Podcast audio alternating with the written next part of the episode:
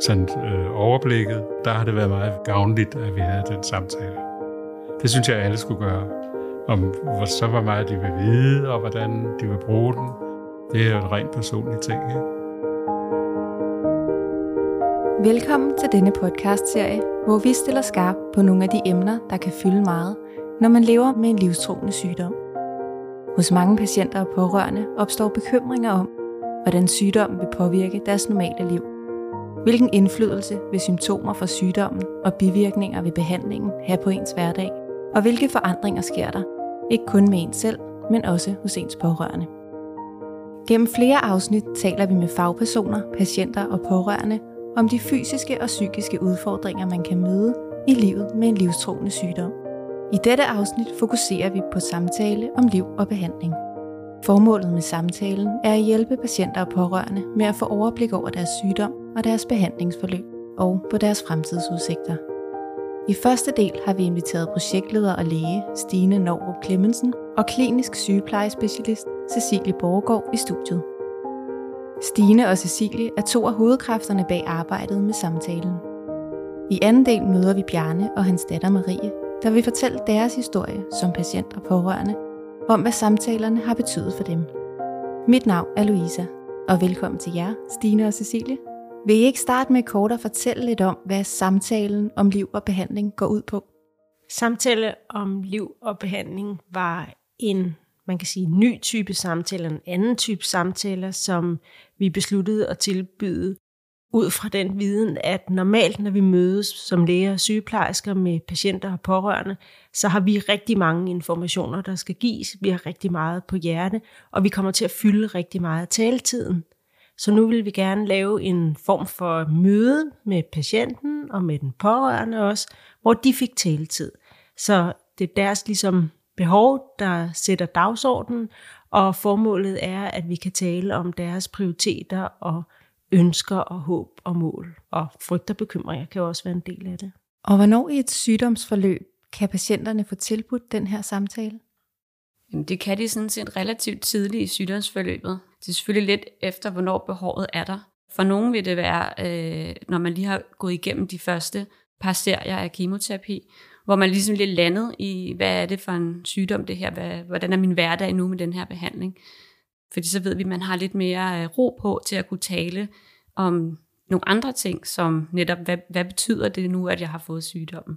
Og hvad er det for nogle tanker, der dukker op hos mig og hos mine pårørende, når vi tænker fremadrettet i vores liv? Hvad kan vi gøre osv.? Og hvad oplever I så typisk, at patienter og deres pårørende gerne vil tale om til de her samtaler? Hvad fylder hos dem? Det kan være meget forskelligt, alt efter hvor man er i sygdomsforløbet. For folk, der lige har fået en diagnose, der kan det være sådan noget med, hvordan man lever mest normalt, og hvordan man måske kan passe et arbejde, bevare sin rolle i familien og så videre. Også nogle praktiske ting med, kan man rejse og så videre. Der kan også være nogle økonomiske ting, og det kan fylde meget. Og så selvfølgelig også hele det med at tilpasse sig øh, et liv med en måske livstruende sygdom, og de tanker, der følger med der. Senere i forløbet, der kan det være nogle andre ting, der fylder sådan noget som, hvordan bevarer jeg mest mulig livskvalitet. Der er mange patienter, der bliver bekymret for at være en byrde for deres pårørende, og de fleste har et ønske om at, ligesom at være sig selv længst muligt. Og det kan være sådan nogle emner, vi diskuterer om, hvordan kan vi som læger og sygeplejersker være med til at støtte det for patienten og også støtte den pårørende i at støtte patienten. For det her er jo også en samtale, der henvender sig til de pårørende og deres tanker og hvad der fylder i deres liv. Og øh, som I også skal høre Stine netop fortælle det her med, at det ændrer sig. Det er jo også derfor, vi netop tilbyder den her samtale flere gange i løbet af et sygdomsforløb. Fordi at det, der fylder, når man er nydiagnostiseret med en sygdom, er ikke nødvendigvis det samme, der fylder, når man har været igennem og levet med sygdommen et par år. Så der skal også være plads til, at man kan tale om de forskellige sider af det at være ramt og stå i den her situation.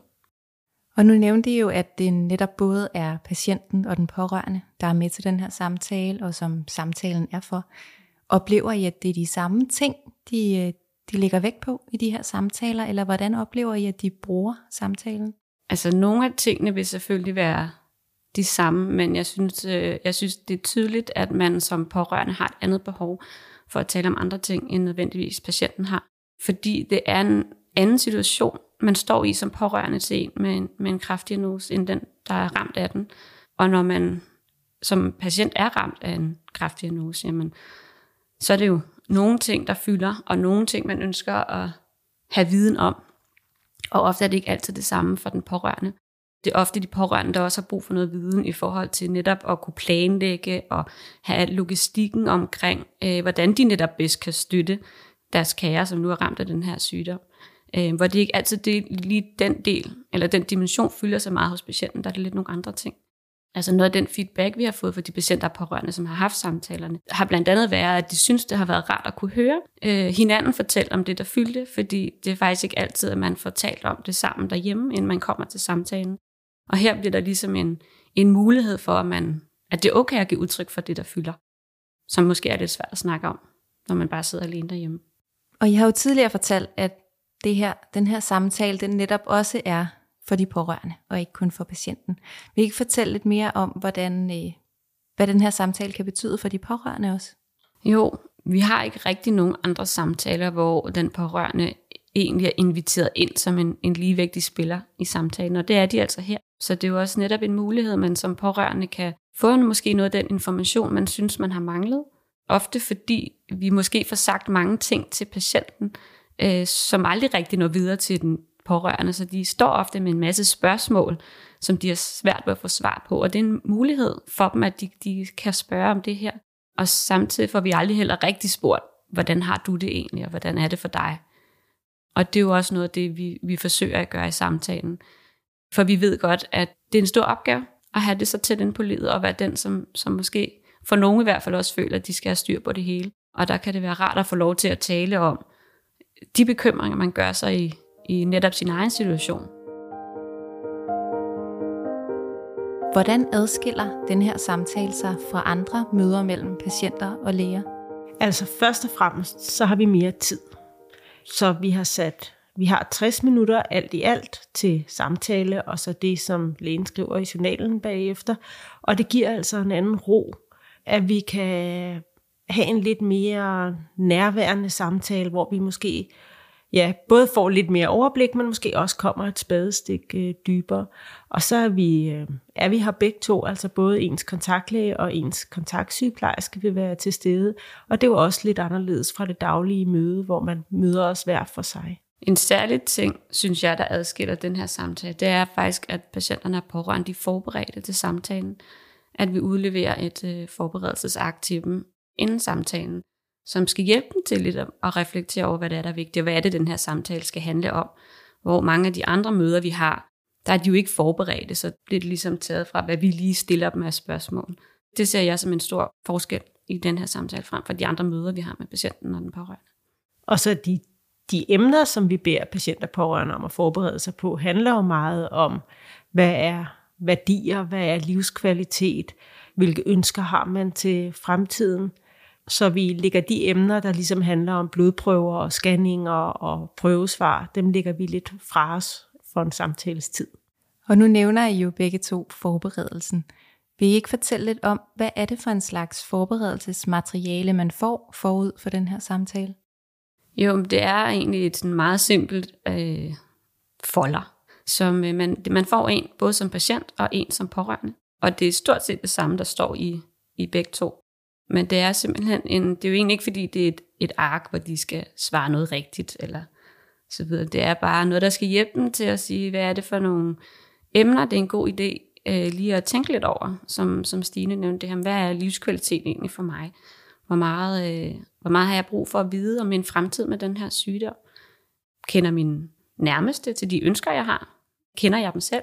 Så, så det er egentlig bare noget, der skal hjælpe en til at tænke nogle tanker om nogle emner, som, som man jo ellers ikke ligesom bliver efterspurgt, når man møder os i klinikken, hvor vi jo netop fokuserer ofte meget på behandling og blodprøvesvar og næste tider i ambulatoriet. Men det her, der vil vi altså gerne snakke om alt det andet, som, som jo også er en del af det at stå i den situation, som de gør, som vi ofte ikke får afsat tid til faktisk at tale med dem om. Kan I prøve at give nogle eksempler på, hvad man kan tale om til de her samtaler? En del patienter har jo et ønske om at få et overblik over, hvor de er med deres sygdom, og hvordan fremtiden ser ud. Og for nogen, der kan det give mening at tale om, hvor længe man kan leve med denne her sygdom, eller hvad er sandsynlighederne for, at man kan blive helbredt. Og for andre, der handler det mest om, hvordan, øh, hvordan bliver fremtiden med den her sygdom? Hvad ser jeg ind i? Kan jeg forvente at få flere kræfter herfra, eller vil jeg miste mine kræfter herfra?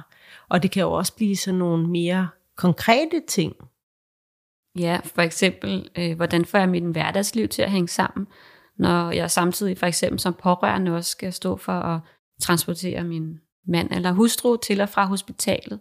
Jeg skal nå at hente mine børn. Jeg havde også et arbejde, der skulle passes.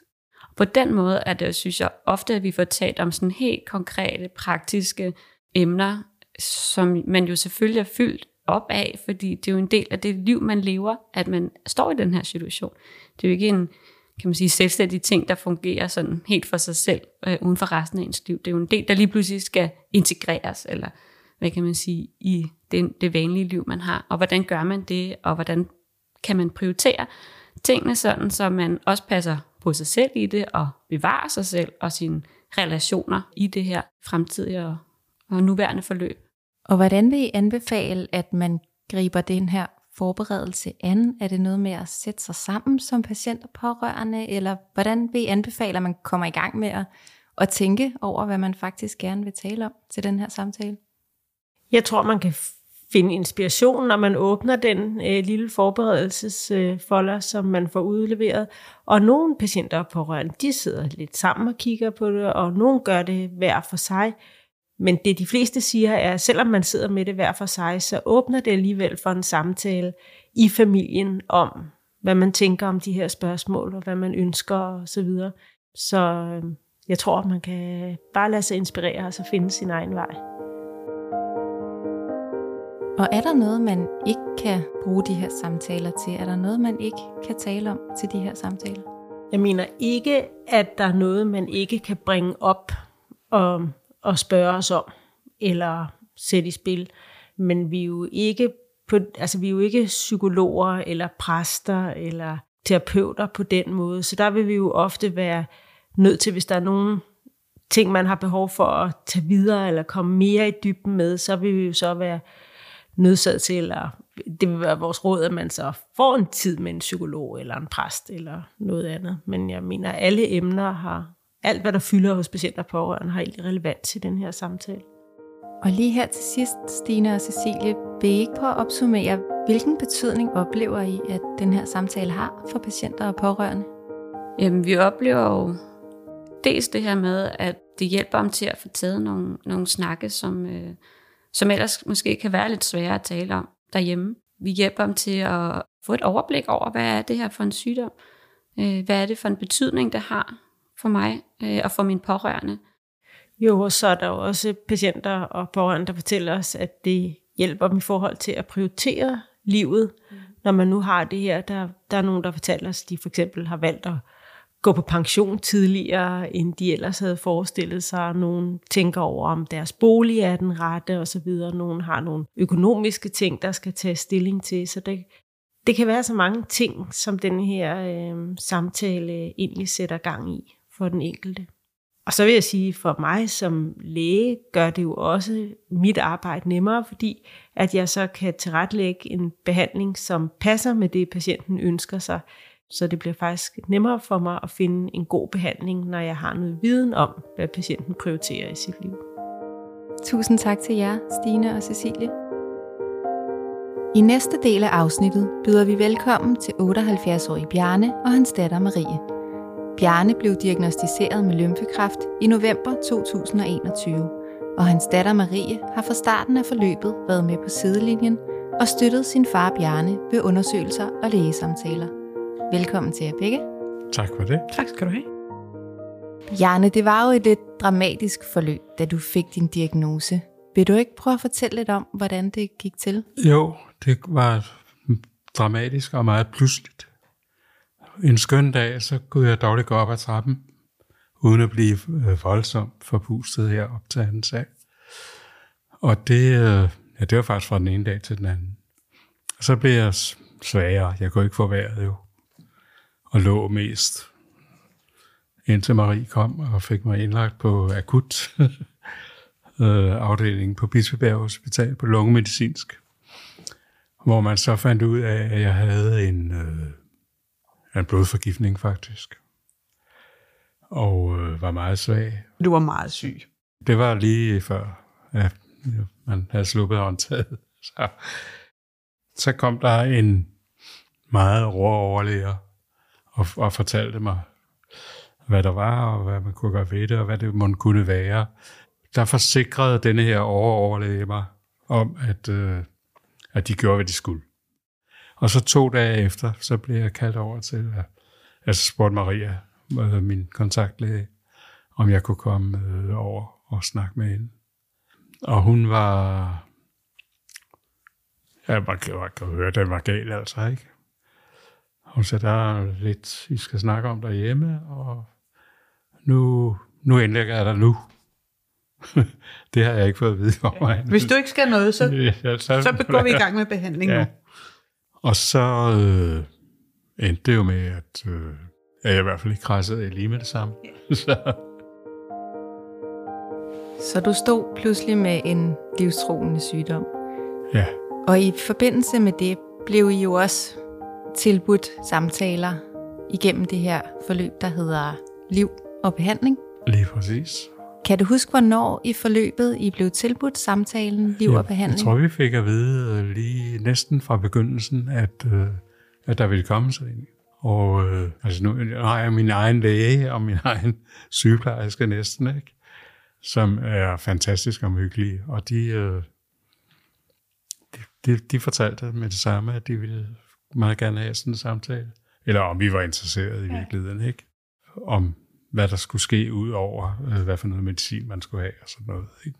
Ja, altså vi kan jo sige, at, det vi fik at vide ved diagnosen var, at, at der hvor du havde det så dårligt, og hun lige havde set, hvad du fejlede, at der øh, kunne ikke give nogen som helst bud på, hvor lang tid du havde igen faktisk. Hvad hun sagde, det kan blive et meget kort forløb, og i den anden ende kan der gå først i mange måneder, og nogle har også sagt flere år, og lidt forskelligt af, hvilken læge og hvad de tør sige. Ja. Hovedbudskabet er, at de siger, at det ved de ikke noget om. Så, så derfor var det den udsigt, vi gik hjem med. Ikke? Og så fik vi at vide, at der også hørt sådan en samtale med, fordi at vi sammen, altså, man kunne godt mærke, at hun var klar over, at hun gav os en alvorlig besked, og vidste, at der er meget at tænke over. Ikke? Og den samtale, der fik vi, øh, der fik vi udleveret øh, et, lidt, lidt, lidt materiale. Et stykke papir, Forberedelsesark, ikke? ikke? Jo, Et til pårørende og et til patient. ja, hvor, der, hvor man blev bedt om at tage stilling til, hvor meget man ville vide om sin sygdom. Og ja, vi vil gerne vide det hele. Ja, Jeg mener, det gør det den ligesom går fra nemmere. ingenting og til Ja. øh, alt muligt undtagen øh, udsigter, eller alt, ikke? Det har vi været enige om. Ja, Var det noget, I satte jer sammen og talte om forud for samtalen? Det gør vi egentlig ikke. Jeg tror, vi sagde det allerede, da vi, altså før vi var til samtalen til diagnosen, at vi vil gerne bare vide det hele. Så forberedelsesmaterialet sad I med hver for sig og gennemgik forud for Ja, samtalen? vi kiggede jo nok hos hinanden. Ja, det gjorde vi altså. Men vi, vi, vi havde det hver for sig, og havde læst på det og sådan noget, men vi havde Altså, kigget kunne på. godt se, at der var to forskellige roller, ikke? Ja. Ja, hvad tænkte I om, om denne her samtale, før I gik ind til den? Hvad havde I af forventninger til samtalen? Maria havde jo sagt til os, at, øh, at det også i høj grad handlede om praktiske ting. Så det forventede vi jo at få noget at vide om. Og det gjorde vi også. Og det var hende og os meget magtpålæggende og ligesom få et billede af, hvordan det ville ende. Det, gik hun, det, det var meget vigtigt for Maria i hvert fald, at vi var orienteret om det. Ja, både at du gerne vil vide, hvad, hvad der sker, når, Ja. når medicinen ikke virker mere, og hvad hun så skulle gøre. Og hvordan var jeres oplevelse af samtalen så? rigtig god. Vi blev også overst lidt, ikke? Sådan, for at det virkede. Det, ja. Så vi prøver på at være mønsterelever, eller patienter. Nej, men det var, en, det var en rigtig god samtale. Det var det. Hvad var godt ved samtalen? Jamen, det var dels, at, øh, at det blev styret professionelt, synes jeg. af personale, altså alene, ikke? Fordi vi andre, vi sidder jo der med Forestillinger og følelser ja, og alt muligt, ja. ja. Og, og det er dejligt at få, få noget meget konkret omkring, hvad, hvad, hvad kommer der nu til at ske, ikke? Til samtalen synes jeg, det var virkelig rart, at det faktisk var de to, vi kender i forvejen. Det er jo i det generelt også rart for os at have en læge og en sygeplejerske, der ved, hvem far er og hvad vi har talt om sidst. Og, øh, og jeg synes, at de var gode til, at vi kom og fortælle, hvad det var, vi skulle snakke om. Også fordi det, det passer godt til os at være på det praktiske plan. Øhm, jeg synes, de var meget tydelige, og Maria er altid god til at sige, der skal ske det her. Ikke? Nu er vi her for det her. Og så var det rigtig rart, at vi havde øh, min mor med, som jo ikke hører så godt. Det er, det er også en del af forhandlingen, det er mig, der går med far. så vi også kunne inddrage øh, min mor, som jo ikke er med til daglig til behandling og og der er et eller andet med den der måde, når man taler meget praktisk om øh, død og alt det, der er sørgeligt, og tiden efter, og hvad skal der ske, at, at det er så nøgternt. Ikke? Det var det er godt at tale med en, som er, har lægevinklen. Ikke? Det, det er en del af, af det. Det gør det nemt at tale om. Det gør det. Man skal lige synke beskeden, der så er, så er det jo det. Altså. Der er jo ingen, der ved, hvornår man får en tagsten i hovedet. Så. Nej, nej. Vi skal dø alle sammen. Ja. Men også til at spørge, om vi havde brug for hjælp, og mor og far havde brug for hjælp herhjemme til andre ting. Ikke? Ja. Altså, og, altså hjemmehjælp. Vi har fået hjemmehjælp. Ja. Fordi vi fik at vide, at det kunne vi få. Ja. Så. Ja, ellers har vi ikke ja. opdaget det, vel? Altså nogle af de der ting, de okay, det er, hvad, kan du selv overskue din medicin? Det der med, at der er jo virkelig mange slags piller, og så kommer der nogle nye, og nogle, der skal tages fra. At så kan man godt få en, der kommer og hjælper, ikke? Øhm, og selvom du ikke har brug for det, så er det jo rart at få et tilbud. Og det kan også være, hvis man var meget svag, at man så får brug for det på et tidspunkt, ikke? Så I fik talt om en hel masse praktiske ting, og fik talt om nogle af de ting, der måske kan være svære at tale om derhjemme. Og hvad der er vigtigt for os, ikke? Og det fik også ligesom til at sige, hvad det er vigtigt for dig, at du kan blive ved med at køre i bil. Så ja, det, det er altså, også det, det er det, for tiden er bedst til. Ja, det kan have betydning for, hvad for en medicin man får, for eksempel. Der er noget, hvor man ikke må køre bil, ikke? Og kan vi, kan vi tage op i sommerhuset bare være der?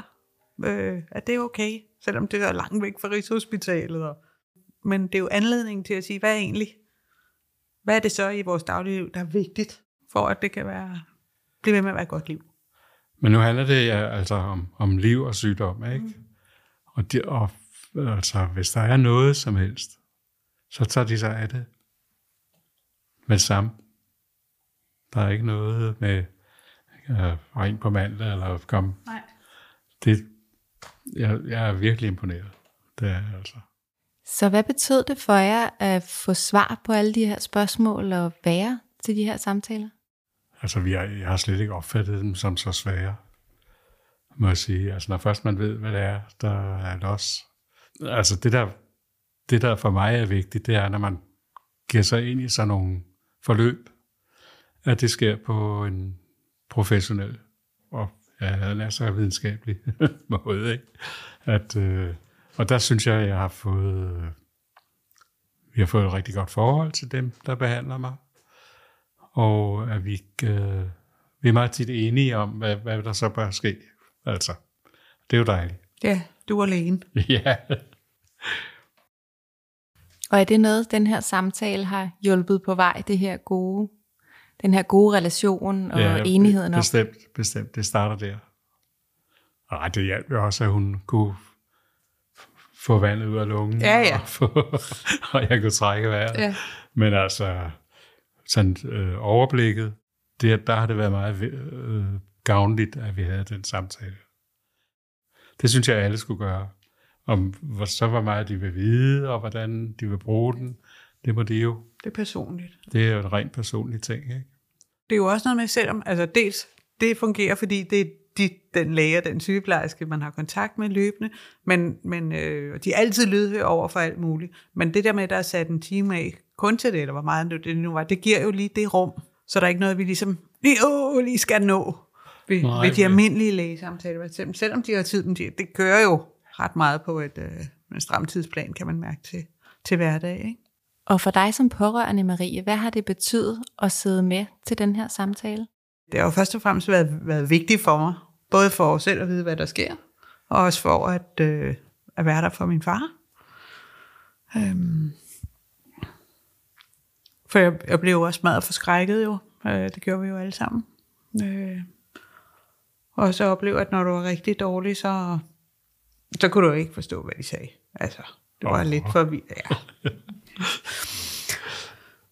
altså, så, så er det rigtig rart at, at få den oplevelse. Og jo også, hvad, øh, hvad vil sige at have den her diagnose? Hvornår, øh, hvad betyder det for, for vores daglige liv? Ikke? Øh, og det der med at, at have et klart billede af, at vi, vi, vi skal nok vide, hvis det, hvis det begynder at gå dårligere. Ikke?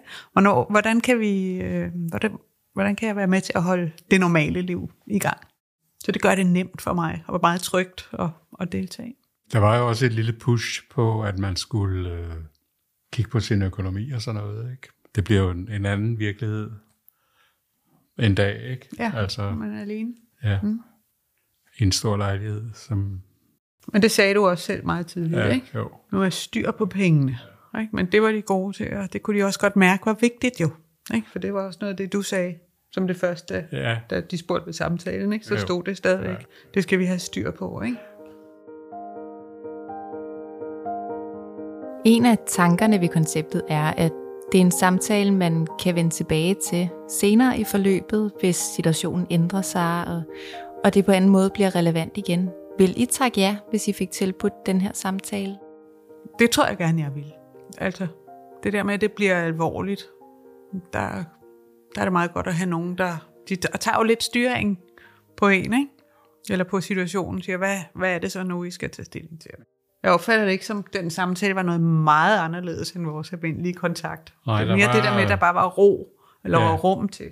og sat Mere til. nogle punkter ind Ja, med helt klart. ikke lægefaglige ting. Ja, nemlig. Det tror jeg ikke, Maria vil gøre sig selv. Altså, hvis, Ej, hun spørger tit til det der med, har du fået hjælp derhjemme Ja, ja, og sådan ja. noget, ikke? Ja. Jo, hun synes, det var smadret skæg, at jeg havde fået hjemmehjælp.